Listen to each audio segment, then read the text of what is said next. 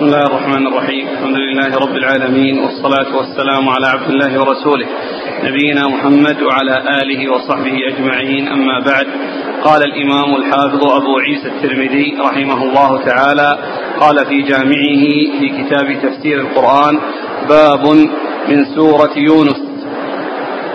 قال حدثنا محمد بن بشار قال حدثنا عبد الرحمن بن مهدي قال حدثنا حماد بن سلمة عن ثابت البناني عن عبد الرحمن بن أبي ليلى عن صهيب رضي الله عنه عن النبي صلى الله عليه وعلى آله وسلم في قول الله عز وجل للذين أحسنوا الحسنى وزيادة.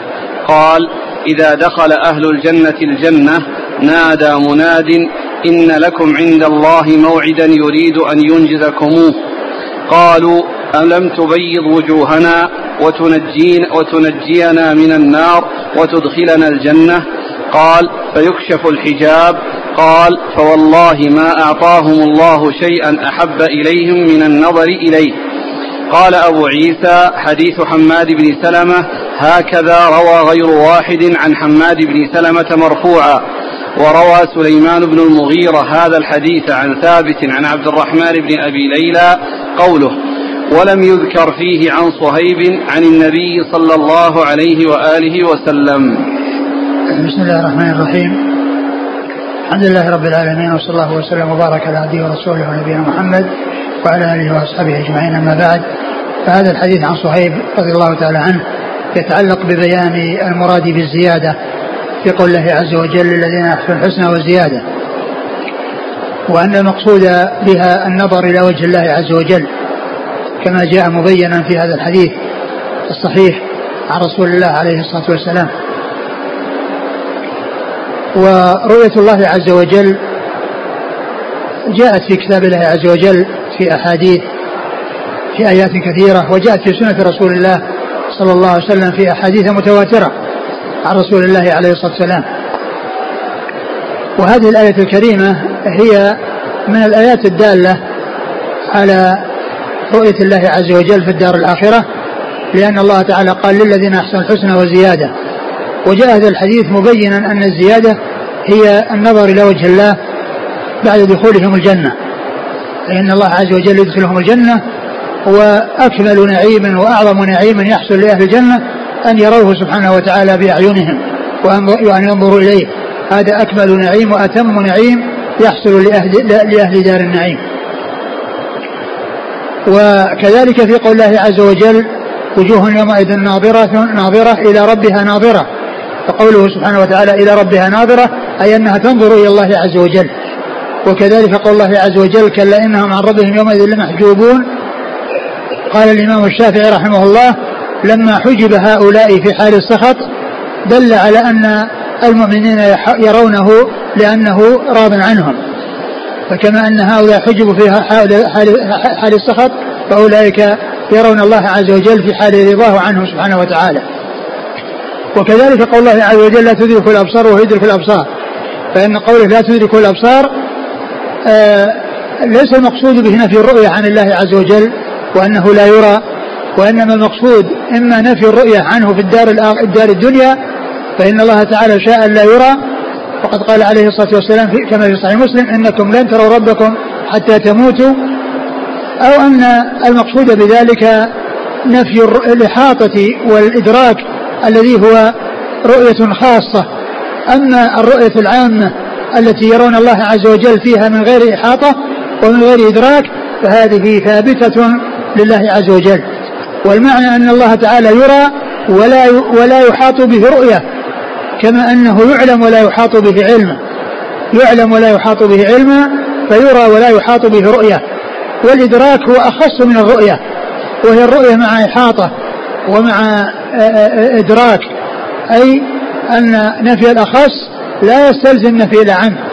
النفي الأخص الذي هو الإدراك لا يستلزم لا يستلزم نفي الرؤية التي هي أعم من الإدراك.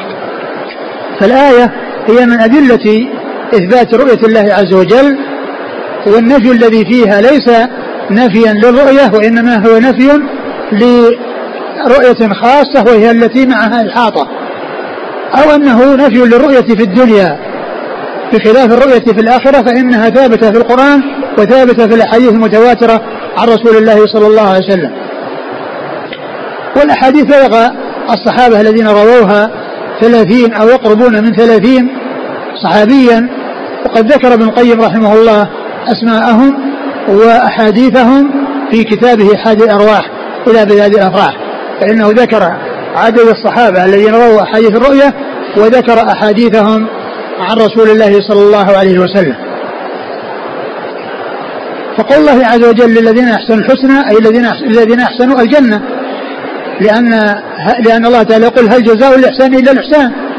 فمن أحسن أحسن الله إليه من أحسن العمل وأحسن التقرب إلى الله عز وجل بالأعمال الصالحة فالله تعالى يثيبه على الإحسان إحسانا لأن الجزاء من جنس العمل. من أحسن أحسن الله إليه للذين أحسنوا الحسنى وزيادة هل جزاء الإحسان إلا الإحسان؟ كما أن الإساءة عاقبتها العذاب في النار والوصول إلى السوء التي هي النار. لأن الله تعالى قال للذين أحسنوا الحسنى وقال ثم كان عاقبة الذين أساءوا السوء. والسوء هي النار. فالذين أساءوا لهم السوء والذين أحسنوا لهم الحسنى. والذين أحسنوا لهم الحسنى وهي الجنة ولهم زيادة وهي النظر إلى وجه الله سبحانه وتعالى. وهو أكمل نعيم يكون لأهل الجنة. أكمل نعيم يكون لأهل الجنة. والزمخشري من المعتزلة وكان متمكنا في البلاغة وكان يأتي أحيانا بالكلمات التي فيها آه، يستدل لمذهبه أو آه، آه، يظهر مذهبه فيها دون أن يكون ذلك واضحا جليا لكل أحد بل يكون خفيا. على كثير من الناس ويكون ظاهرا جليا لبعض الناس. ولهذا جاء عن البلقيني أنه قال استخرجت اعتزالا بالمناقيش للزمخشري ذلك أنه قال عند قول الله عز وجل فمن زحزح عن النار وأدخل الجنة فقد فاز قال وأي فوز أعظم من دخول الجنات؟ وأي فوز أعظم من دخول الجنات يعني معناه أن أن دخول الجنات هو أعلى شيء. ومن المعلوم أن أعلى شيء هو رؤية الله عز وجل. أعلى شيء وأكمل نعيم هو رؤية الله عز وجل وهو أعلى وأعظم من دخول الجنة. ولهذا أشار إلى مذهب المعتزلة بهذا بهذا الذي فيه خفاء حيث قال وأي فوز أعظم من دخول الجنة؟ يعني ما فيها فوز أعظم من دخول الجنة.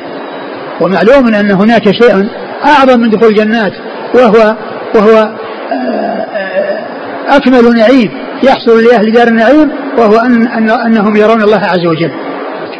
وقد وفي هذا الحديث بيان أن أن أن السنة تبين القرآن. السنة تبين القرآن لأن الزيادة في هذا الحديث في هذه الآية بينتها سنة الرسول صلى الله عليه وسلم. لأن الله تعالى لأنه في هذا الحديث عن صهيب رضي الله عنه إذا دخل أهل الجنة الجنة قال الله عز وجل ألا إن قالوا إن إن لكم موعدا. عند الله يريد أن ينجزكم ينجزكموه. قالوا ألم يبيض وجوهنا ويدخلنا الجنة وينجنا من النار؟ وينجنا من النار. وجاء في بعض النسخ ينجينا. وفي والمطابق للغة ولم ينج وينجنا. وقد سبق الحديث وفيه ينجنا. وفي بعض النسخ ينجنا. وهذا هو الصواب يعني في الرواية. قال قال فيكشف الحجاب فينظرون إليه فيكون فلا يكون رأوا أو حصل لهم شيء أكمل من هذا الذي حصل حصل لهم من رؤية الله عز وجل. يكشف الحجاب الذي هو نوره كما قال عليه الصلاة والسلام في الحديث الصحيح حجابه النور لو كشف لأحرق السبحات وجهه ما انتهى إليه بصره من خلقه. فالله تعالى يكشف الحجاب ويري عباده يري عباده نفسه فيرونه ويتمتعون برؤيته وهذا هذه الرؤية لهم هي أكمل نعيم يحصل لهم في يحصل لهم في دار النعيم. فالآية واضحة الدلالة ببيان الرسول صلى الله عليه وسلم لها بأن الزيادة هي النظر إلى وجه الله. الحسنى هي الجنة والزيادة النظر إلى وجه الله عز وجل. نعم. قال حدثنا محمد بن بشار. محمد بن بشار هو الملقب بالدار. ثقة أخرج أصحاب كتب الستة وهو شيخ لأصحاب كتب الستة. عن عبد الرحمن بن مهدي. عبد الرحمن بن مهدي ثقة أخرج أصحاب كتب الستة. عن حماد بن سلمة. حماد بن سلمة بن دينار البصري ثقة أخرجه البخاري تعليقا ومسلم وأصحاب السنن. عن ثابت عن ثابت بن أسلم البناني ثقة أخرجه أصحاب كتب الستة. عن عبد الرحمن بن أبي ليلى. عن عبد الرحمن بن أبي ليلى وهو ثقة أخرج له أصحاب كتب الستة. عن صهيب. عن صهيب بن سنان الرومي رضي الله عنه أخرج له أصحاب الكتب. أصحاب الكتب الستة. قال وروى سليمان بن المغيرة وهو ثقة أخرج أصحاب الكتب. نعم. هذا الحديث عن ثابت عن عبد الرحمن بن أبي ليلى قوله ولم يذكر فيه عن صهيب عن النبي صلى الله عليه وسلم. والحديث في صحيح مسلم. والحديث متصل وهو صحيح وهو في صحيح مسلم. نعم. يقول السائل بما أن المؤمنين من عقيدتهم رؤية الله في الآخرة فلماذا تعجبوا واستغربوا عندما يقال لهم بأنه سوف سوف يرون ربهم؟ ما فيه يعني في الحديث ما في ذكر تعجب من أنهم يعني وإنما لما قيل لهم أن لكم موعد يريد أن ينجز- انجزكموه آه، آه، وقد حصل لهم يعني هذا الشيء الذي آه، نجاتهم وحصل فيه آه، آه، ظفرهم بالجنة وما اعد الله فيها من النعيم الذي آه، آه، ليس آه، يعني آه، فيها ما لا عين رأت ولا أذن سمعت ولا خطر على قلب بشر فأخبروا بأن أن, أن, أن الشيء الذي وعدوا إياه هي الزيادة. التي في قوله الذين أحسنوا الحسنى وزيادة. نعم.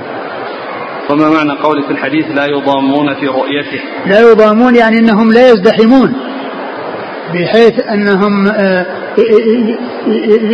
يلتحم بعضهم ببعض أو يلتصق بعضهم ببعض ليروا الله لأنهم يرون الله عز وجل آه، كما يرون القمر ليلة البدر. ومعلوم أن القمر ليلة البدر كل يراه بدون أن يزدحم مع غيره ومن أجل وليس ولا يحصل انضمام بعضهم إلى بعض وازدحام من أجل أن يروا وإنما يرونه أي يرون القمر آه، رؤية محققة دون أن يكون هناك آه، آه، أنهم ينضم بعضهم إلى بعض أو إنه يعني بعضهم يضيق على بعض من أجل أن يروا الله عز وجل بل كل يراه في غاية الوضوح وفي غاية الجلاء كما أن رؤيتهم للقمر في هذه الدنيا محققة فرؤيتهم لله عز وجل في الدار الآخرة محققة. والتشبيه إنما هو للرؤية بالرؤية وليس للمرئي بالمرئي. ليس تشبيه الله عز وجل بالقمر ولكن تشبيه رؤية الله عز وجل في الآخرة وأنها محققة كما أن رؤيتهم في الدنيا للقمر محققة.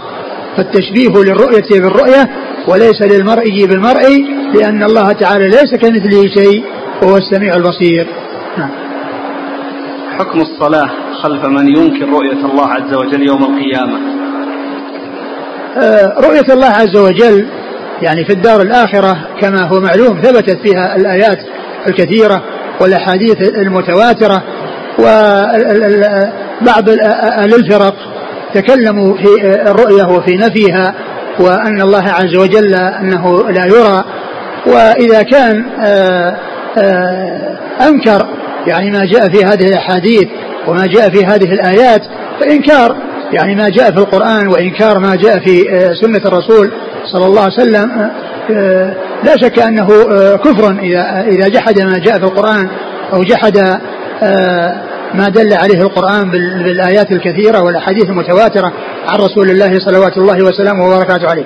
ولهذا قال ابن القيم في كتابه حادي الأرواح إن إنه لا يجتمع يعني لا يحصل يعني إيمان مع يعني حجب الرؤية مع حرمان من الرؤية وأنه لا تحصل الرؤية لمن جحدها ولمن أنكرها فهو محروم منها في الدار الآخرة لأنه أنكرها ويحرم من هذا الشيء الذي أنكره. فمن أنكر رؤية الله عز وجل وكذب بما جاءت به الآيات وجاء بالحديث فتكذيب الآيات والتكذيب بالأحاديث المتواترة كفر بالله عز وجل. نعم. قال حدثنا ابن أبي عمر قال حدثنا سفيان عن ابن المنكدر عن عطاء بن يسار عن رجل من أهل مصر قال ثم ثم الصلاة أو الصلاة الصلاة خلف من يكون كافرا هذه لا تصح. وأما من يكون مبتدعا فإن لا يصلح أن يكون اماما. لا يصلح أن يكون اماما. وإذا كانت البدعة لا تصل إلى حد التكفير فإن الصلاة إذا وجدت تصح. ولكن إذا كانت إذا وصلت إلى حد التكفير فإن الصلاة لا تصح. نعم. عن رجل من أهل مصر قال سألت أبا الدرداء رضي الله عنه عن هذه الآية لهم البشرى في الحياة الدنيا. وبعض وبعض أهل البدع يقول يرى لا في جهة. يرى لا في جهة. يثبتون أنه يرى لكن لا, لا, لا في جهة. ويقول آه شارح الطحاوية ومن قال هذا فليراجع عقله. ومن قال هذا فليراجع عقله. نعم. لأن الله تعالى لأن الرسول صلى الله عليه وسلم قال إنكم ترون ربكم كما ترون القمر. ليلة البدر. فهم يرونه من فوقهم. نعم.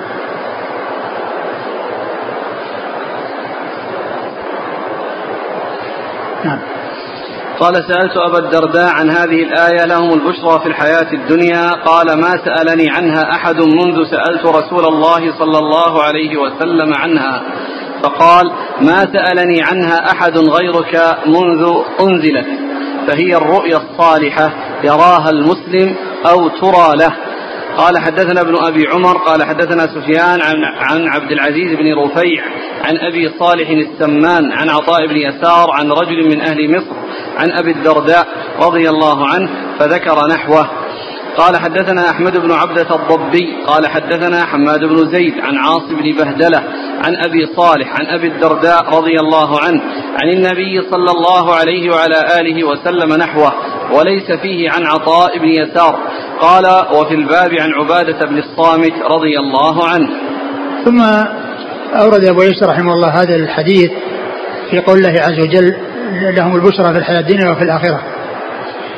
والضمير في قوله لهم البشرى لأولياء الله الذين قال الله عز وجل فيهم قبل هذه الآية ألا إن أولياء الله لا خوف عليهم ولا هم يحزنون؟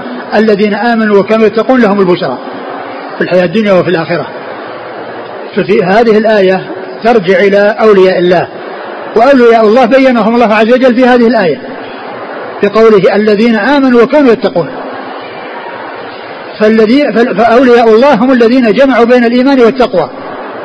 آمنوا بالله وصدقوا بكل ما جاء عن الله وآمنوا بكل خبر أخبروا به من أمور الغيب سواء كانت تتعلق بالله عز وجل أو بملائكته أو كتبه أو باليوم الآخر أو القدر خيره وشره كل هذا يؤمنون به ويصدقون. ولا يترددون في التصديق في أي خبر يأتي عن الله وعن رسوله صلوات الله وسلامه وبركاته عليه. ثم يتقون الله عز وجل. وذلك بامتثال الأوامر واجتناب النواهي. فهم في الباطن مؤمنون مصدقون موقنون بكل ما أخبر الله به. وفي, وفي الظاهر منفذون مطبقون لهذا الإيمان الذي أمروا به. وهم مطبقون منفذون. لهم آه الذين آمنوا وكانوا يتقون. يعني جمعوا بين الإيمان والتقوى جمعوا بين ما يكون في القلوب وما يكون على الجوارح. والتقوى هي هي أن يجعل الإنسان بينه وبين غضب الله ويقاه تقيه منه. وذلك بامتثال الأوامر واجتناب النواهي. وذلك بأن يمتثل كل ما هو مأمور به وينتهي عن كل ما هو منهي عنه. فعندهم السلامة في الظاهر والباطن. في الباطن اعتقادهم صحيح ومصدقون بكل ما جاء عن الله وعن رسوله صلى الله عليه وسلم وفي الظاهر منفذون مطبقون لما أمروا به منتهون عن كل ما نهوا عنه من من المعاصي والأمور المنهية المحرمة. وقد أخبر الله عز وجل أنه لا خوف عليهم ولا هم يحزنون، أولياء الله لا يحصل لهم خوف ولا يحصل لهم حزن. وهم آمنون من الخوف والحزن. لا يخافون شيئا في المستقبل ولا يحزنون على شيء مضى لأنهم على خير ثم قال لهم البشرى في الحياة الدنيا وفي الآخرة. وقد ذكر في هذا الحديث أن البشرى هي الرؤيا الصالحة يراها الرجل أو ترى له. وهذا من معاني البشرى. ويدخل وتفسر أيضا بأن المراد بها ما يحصل من الملائكة عند الموت من التبشير للمؤمن بالنعيم. وما أعده الله له من النعيم آه، حيث تنزل الملائكة عند قبض الأرواح وتبشر المؤمنين وأهل الإيمان بما أعده الله عز وجل لهم من النعيم وما أعده لهم من الكرامة. ولا تنافي فكل هذا من البشرى. فالرؤيا الصالحة ترى للمؤمن أو يراها المؤمن أو ترى له يعني هذه من المبشرات وهذه بشرى وكذلك كون الملائكة تبشر عند الموت بالنعيم وبالجنة وبما أعد الله عز وجل آه، لأوليائه من النعيم المقيم في آه، في جنات عدن. لهم البشرى في الحياة الدنيا وفي الآخرة. نعم. قال حدثنا ابن أبي عمر. هو محمد بن يحيى العدني صدوق أخرج له مسلم والترمذي والنسائي بن ماجه. عن سفيان سفيان هو بن عيينة ثقة أخرج أصحابه في الستة. عن ابن المنكدر. وهو ثقة أخرج أصحابه في الستة. عن عطاء بن يسار. عطاء بن يسار ثقة أخرج أصحابه في الستة. عن رجل من أهل مصر. وهذا مجهول مبهم مبهم لم يسمى. نعم. ولكن الحديث له آه، طرق وله شواهد. وقد جاء يعني ذكر ال ال أن أن عاجل بشرى المؤمن يعني الرؤيا الصالحة هي عاجل المؤمن ترى أو يراها أو ترى له. وقد جاء في ذلك أحاديث وقد أشار المصنف إلى حديث عن المسي... عن سعيد المسيب عن أبيه عن النبي صلى الله عليه وسلم في الموضوع. فالحديث في إسناده هذا ال... يعني هذا ال... فيه إسناد المسيب فيه ذكر المسيب بعده. نعم. عن رجل من أهل مصر. لا بعده. طيب وفي الباب. وفي الباب عبادة بن الصامت. نعم لكن اللي بعده.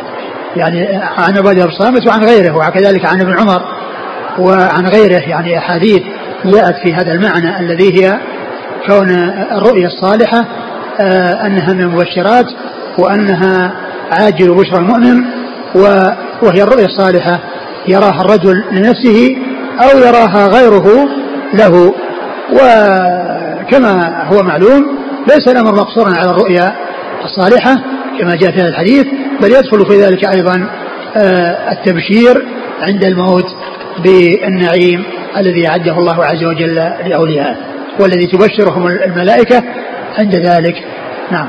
كما قال الله عز وجل الذين قالوا ربنا ثم استقاموا تتنزل عليهم الملائكة لا تخافوا ولا تحزنوا وأبشروا بالجنة التي كنتم توعدون. نعم. عن أبي الدرداء. أبو الدرداء رضي الله عنه عويمر أخرج حديث أصحاب كتب الستة. قال حدثنا ابن أبي عمر عن سفيان عن عبد العزيز بن رفيع وهو ثقة أخرج أصحاب كتب الستة. عن أبي صالح السمان وهو ذكوان أخرج أصحاب كتب الستة.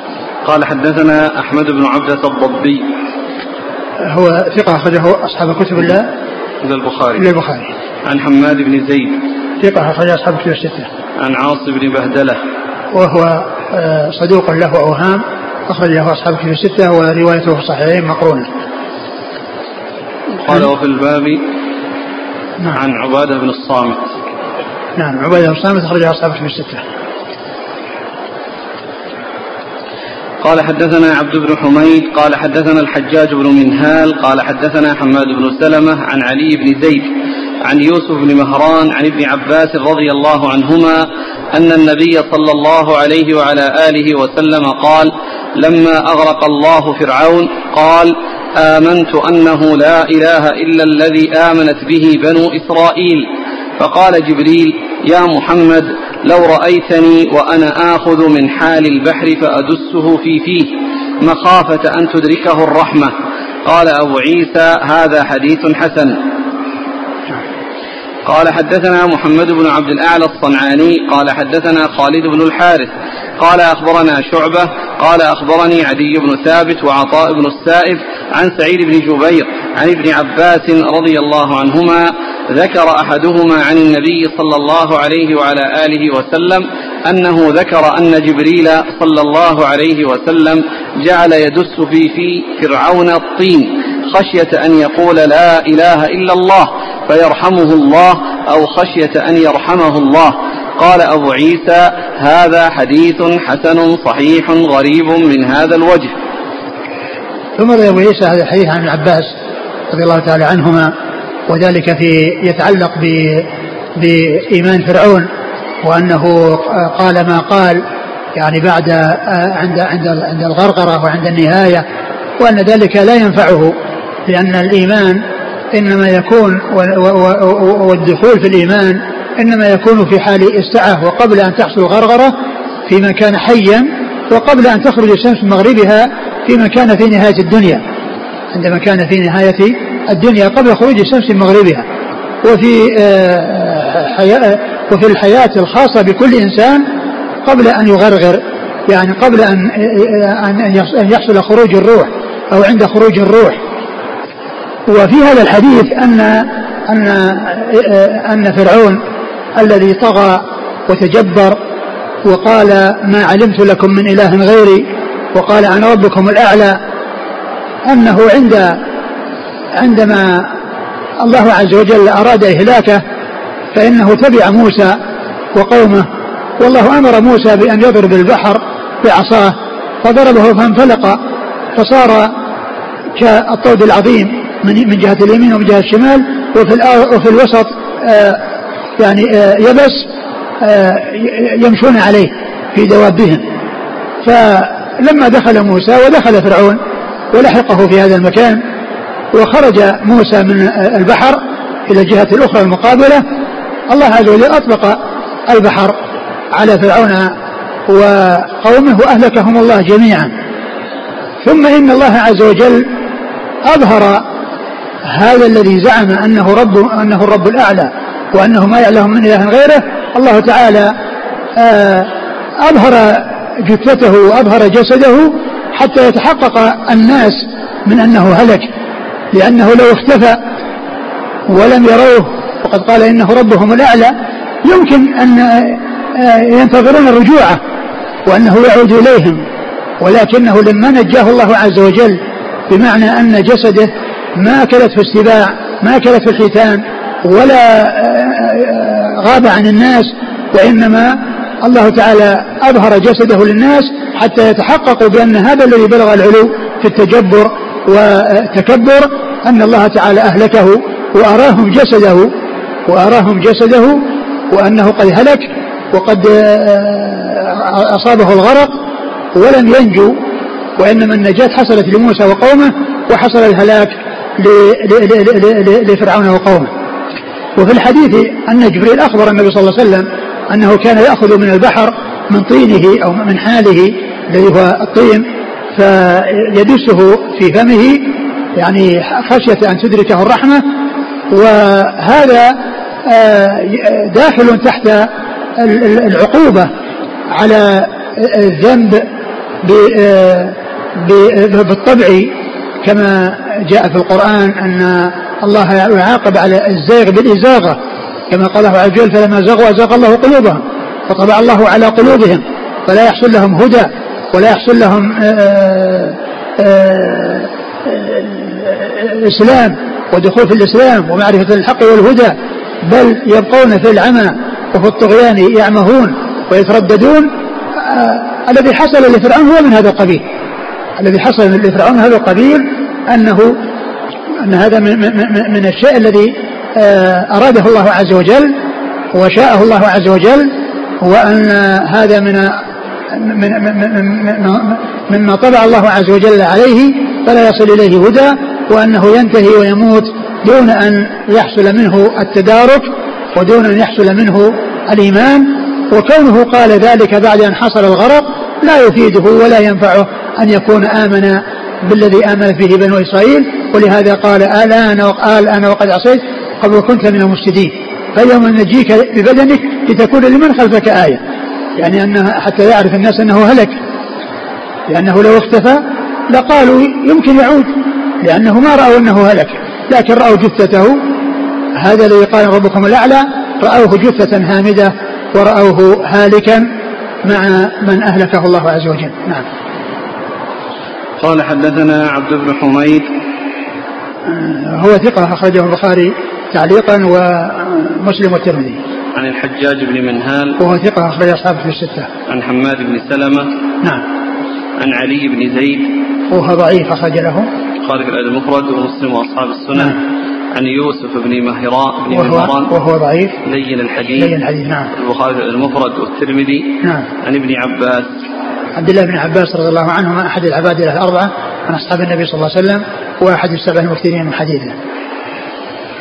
والإسناد فيه هذان الضعيفان ولكن الحديث الذي بعده والإسناد الذي بعده هو يعني آه، يصح به أو يكون حسنا به لأن الترمذي قال حسن أي أنه حسن بالذي بعده. نعم.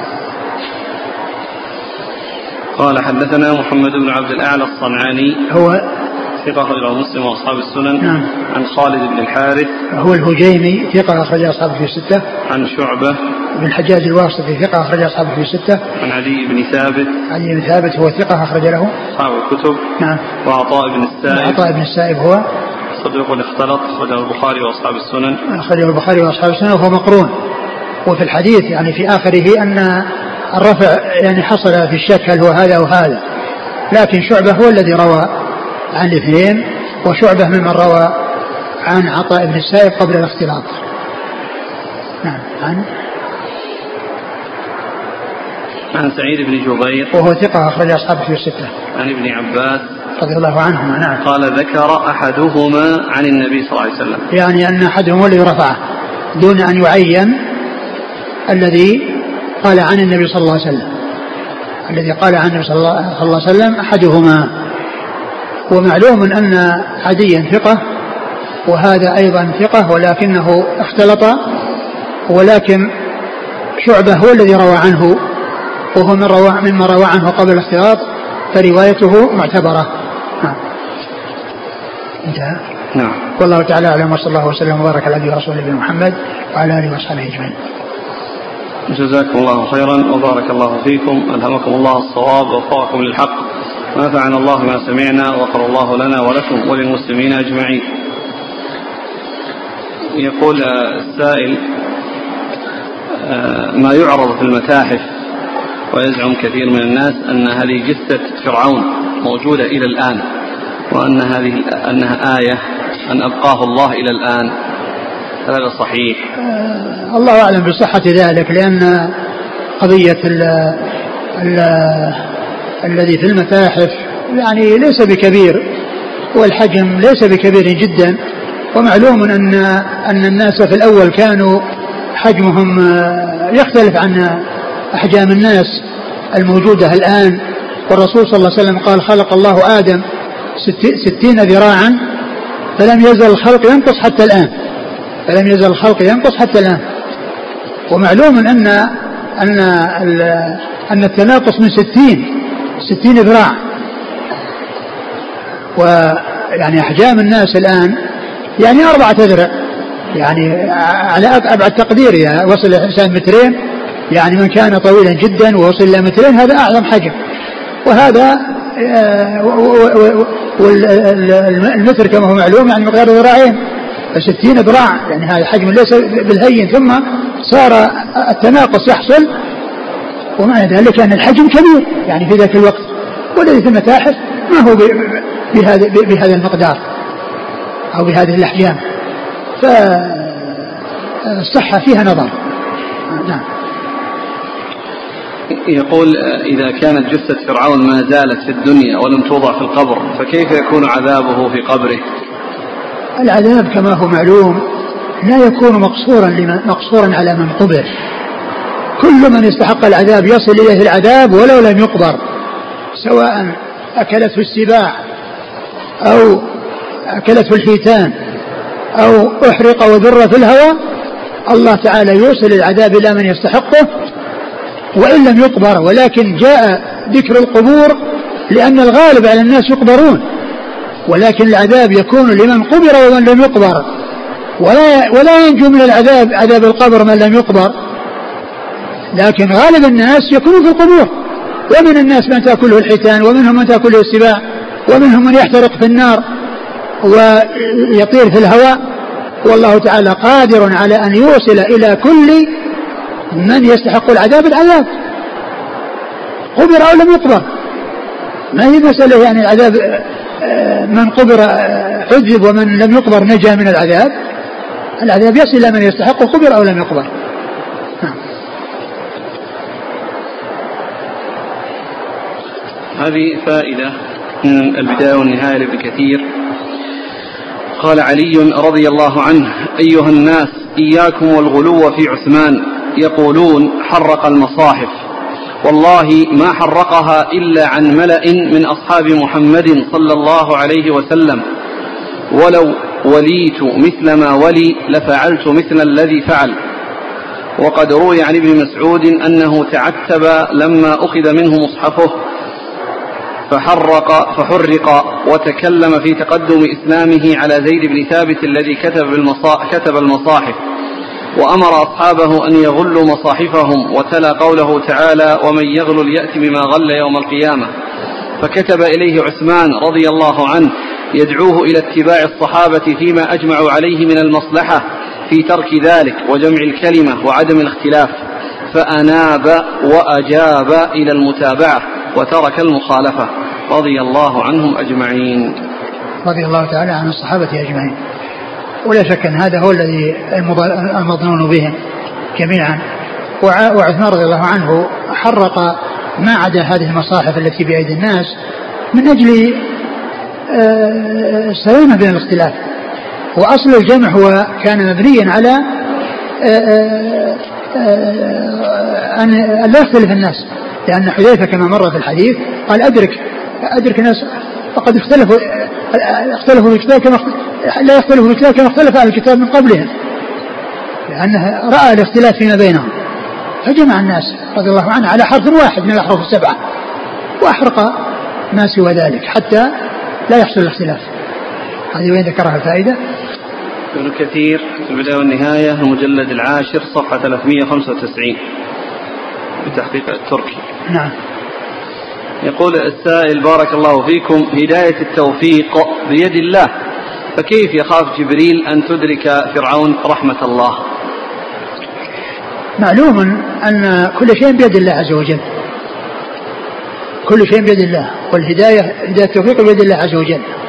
يعني فهو يعني الذي أراده كونه يعني حصل منه ما حصل وآذى وأفسد في الأرض وادعى الربوبية وقال ربكم الأعلى وقال ما علمت لكم من إله غيري.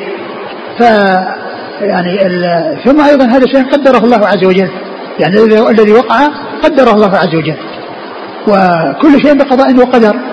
والله تعالى قدر أن يموت هذا كافرا وأن يعيش كافرا وأن يدعي الربوبية وأن ينتهي إلى ما انتهى إليه. فال ال ال وأيضا كما ذكرت يعني عن بعض العلم أنه قال إن هذا من الطبع ومعلوم أن هذا بقضاء الله وقدره وكل شيء بقضاء وقدر الأسباب مقدرة والمسببات مقدرة. يسأل عن البلقيني من حيث عقيدته في الأسماء والصفات. ما أذكر لا أدري. يقول ما القول الفصل في رؤية أهل العر العرصات لله عز وجل؟ آه هذا فيه ثلاث أقوال ذكرها ابن القيم في حاد الأرواح. قولا يقول أنه يراه آه، آه، آه، الجميع المؤمنون والكفار والمنافقين. وقول يقول يراه المؤمنون والمنافقون يعني الذين يدعون الإسلام مع أهل الإيمان. ويعني ثلاث أقوال يعني أنه يراه يراه المؤمنون وحدهم يراه المؤمنون والمنافقون يراه الجميع. لكن هذه الرؤية يعني آه، رؤية ليس فيها تنعم وإنما فيها تبكيت وفيها تقريع مثل الكلام الذي نفي وأثبت لأن الكلام نفي عن الكفار وأثبت للكفار يعني كون الله تعالى يك... آه، كونهم يكلمون الله. قال لا, لا الله يكلمهم يعني آه، قال اخسأوا فيها ولا تكلمون قال اخسأوا فيها هذا كلام. كلمة اخسأوا ولا تكلمهم هذا كلام من الله لكنه تبكيت فإذا قوله لا يكلمهم يوم القيامة يعني لا يكلمهم كلاما فيه فائدة وفيه مصلحة. أما أن يكلمهم كلاما فيه آه زجر وتبكيت وتقريع. فهذا قد جاء في القرآن. فهذا على القول بأن الرؤية إنما هي للجميع وأنهم غير محجوبين. فهي رؤية من جنس آه، آه، الكلام الذي آه، يحصل لهم. يعني رؤية ليس فيها حصول نعيم وإنما فيها تقريع وتوبيخ. هذا إذا على صحة القول الثالث الذي هو أن الجميع يرونه. نعم. يقول ما معنى ما انتهى إليه بصره ومعلوم أن بصر الله محيط بكل شيء. نعم يعني معناه أنه ينتهي كل شيء وأنه يحترق كل شيء يعني لو كشفه. ولكنه سبحانه وتعالى هذا في الدنيا ولكنه في يعني في الآخرة يعطي الناس من القوة ما يتمكنون به من رؤيته سبحانه وتعالى. الدنيا الجبل ما يستطيع أن يثبت أمام رؤية الله. الجبل الصلب. ما استطاع أن يثبت أمام رؤية الله سبحانه وتعالى أمام تجلي الله سبحانه وتعالى. ففي الآخرة الله تعالى يقوي الناس حتى يستطيعوا الرؤية. نعم. عن صحة حديث عن سلمان رضي الله عنه. في ذكر فضاء رمضان وفيه فريضة في رمضان تعدل سبعين فريضة فيما سواه. والله ما أعلم ما أعلم شيء ثابت في هذا. ما أعلم شيء ثابت في هذا. يعني ورد آه آه من صام رمضان إيمانا واحتسابا غفر ما تقدم من ذنبه ومن قام رمضان إيمانا واحتسابا غفر ما تقدم من ذنبه ومن قام ليلة القدر إيمانا واحتسابا غفر له ما تقدم من ذنبه. أما كون الفريضة تعدل فريضة سبعين فريضة وما أعلم في هذا شيء ثابت. هل تنتفي الإرادة الشرعية والإرادة الكونية في بعض الحالات؟ الكونية لا بد من من وجودها. كل شيء شاءه الله لا يمكن أن يتخلف. وكل شيء لم يشأه الله لا يمكن أن يوجد. ما شاء الله كان وما لم يشأ لم يكن. الإرادة الإرادة الكونية والمشيئة لا تتخلف. كل شيء شاءه الله لا بد وأن يوجد. أما الإرادة الدينية هي التي تتخلف. الإرادة الدينية هي التي تتخلف لأن الله تعالى دعا الناس وأراد منهم شرعا وأرسل الرسل لدعوتهم إلى الإيمان به وفيهم من آمن وفيهم من لم يؤمن. فيهم من آمن فاجتمعت فيه الإرادة الكونية والإرادة الشرعية وفيهم من لم يؤمن فحصلت في حقه الإرادة. الكونية. نعم. هل يكفي وجود السور لفصل المسجد عن المقبرة؟ فتجوز الصلاة في هذا المسجد؟ إذا كان القبور خارج أسوار المسجد سواء كان آه، أسوارا يعني آه، على آه، على ساحات أو كان الجدار المسجد الذي هو مبني يعني فاصل بين المقبرة وبين القبور يعني يكفي لكن إذا كانت القبور داخل البنيان أو داخل الأسوار داخل ما هو مبني أو داخل ما هو مسور وإن لم يعني يغطى فإن فناء المسجد وساحة المسجد مسجد فوجودها داخل الساحات وداخل الأثنية التي هي داخل الأسوار وإن لم يكن ما كان داخل السور مغطى فإنه من المسجد. شخص شرب الدخان وهو محرم في الطريق إلى العمرة. هل يؤثر ذلك على إحرامه؟ إحرامه صحيح وعمرته صحيحة وهو عاص بشربه الدخان. فجمع بين الإحسان وبين الإساءة. الإحسان في عمرته والإساءة في شربه الدخان. فعمرته صحيحة وحجه صحيح وهو يشرب الدخان ولكنه يثاب على حجه ويؤاخذ على معصيته. رجل غصبت منه أرضه وقام الغاصب بزرع أشجار مثمرة وبعد مدة طويلة حكم القاضي بأن ترد الأرض لصاحبها. السؤال هل يجوز لصاحب الأرض الآن بعدما ردت إليه أن يأكل من تلك الأشجار المثمرة أم لابد أن ينزع هذه الأشجار؟ ما أتذكر يعني ما يتعلق يعني بهذه المسألة يعني هل هل يعني يعوضه أو يتفق معه على على شيء أو أنها آه، تنزع يعني وتقطع؟ لا أدري ما أذكر. شخص أباح له الطبيب إفطار شهر رمضان لمدة خمس سنوات لإصابته بمرض في الكلى. لأن عدم شرب الماء يسبب له التحجر في الكلية. فما حكم إفطاره لهذه السنوات؟ ويأخذ بكلام الطبيب. نعم إذا كان إذا كان الصيام يلحق به ضررا بالغا أو يؤدي به إلى الوفاة أو يؤدي إلى زيادة ضرر فله أن يأخذ. في قول الطبيب إذا كان مسلما يعني إذا كان مسلما وطبيبا خبيرا يعني موثوقا به نعم يؤخذ بقوله. وإذا كان يرجى بعد ذلك أنها تتحسن حاله وهو ينتظر ويقضي وإذا كان لا يرجى برؤه فإنه يطعم عن كل يوم مسكين. يقول أنا شاب أدرس في مدرسة فيها اختلاط السؤال هل أتوقف عن الدراسة أم أستمر؟ لا يجوز الإنسان أن يدرس في مدارس فيها اختلاط بين الرجال والنساء بل الواجب هو الابتعاد عن الاختلاط. فالدراسة مع النساء ومع في في في, في فصول ومع اختلاط هذا لا يسوق ولا يجوز وعلى الإنسان أن يبتعد عن هذه الدراسة وأن يبحث عن دراسة لا اختلاط فيها والله تعالى أعلم وصلى الله وسلم وبارك على رسول محمد وعلى آله وأصحابه أجمعين. جزاكم الله خير.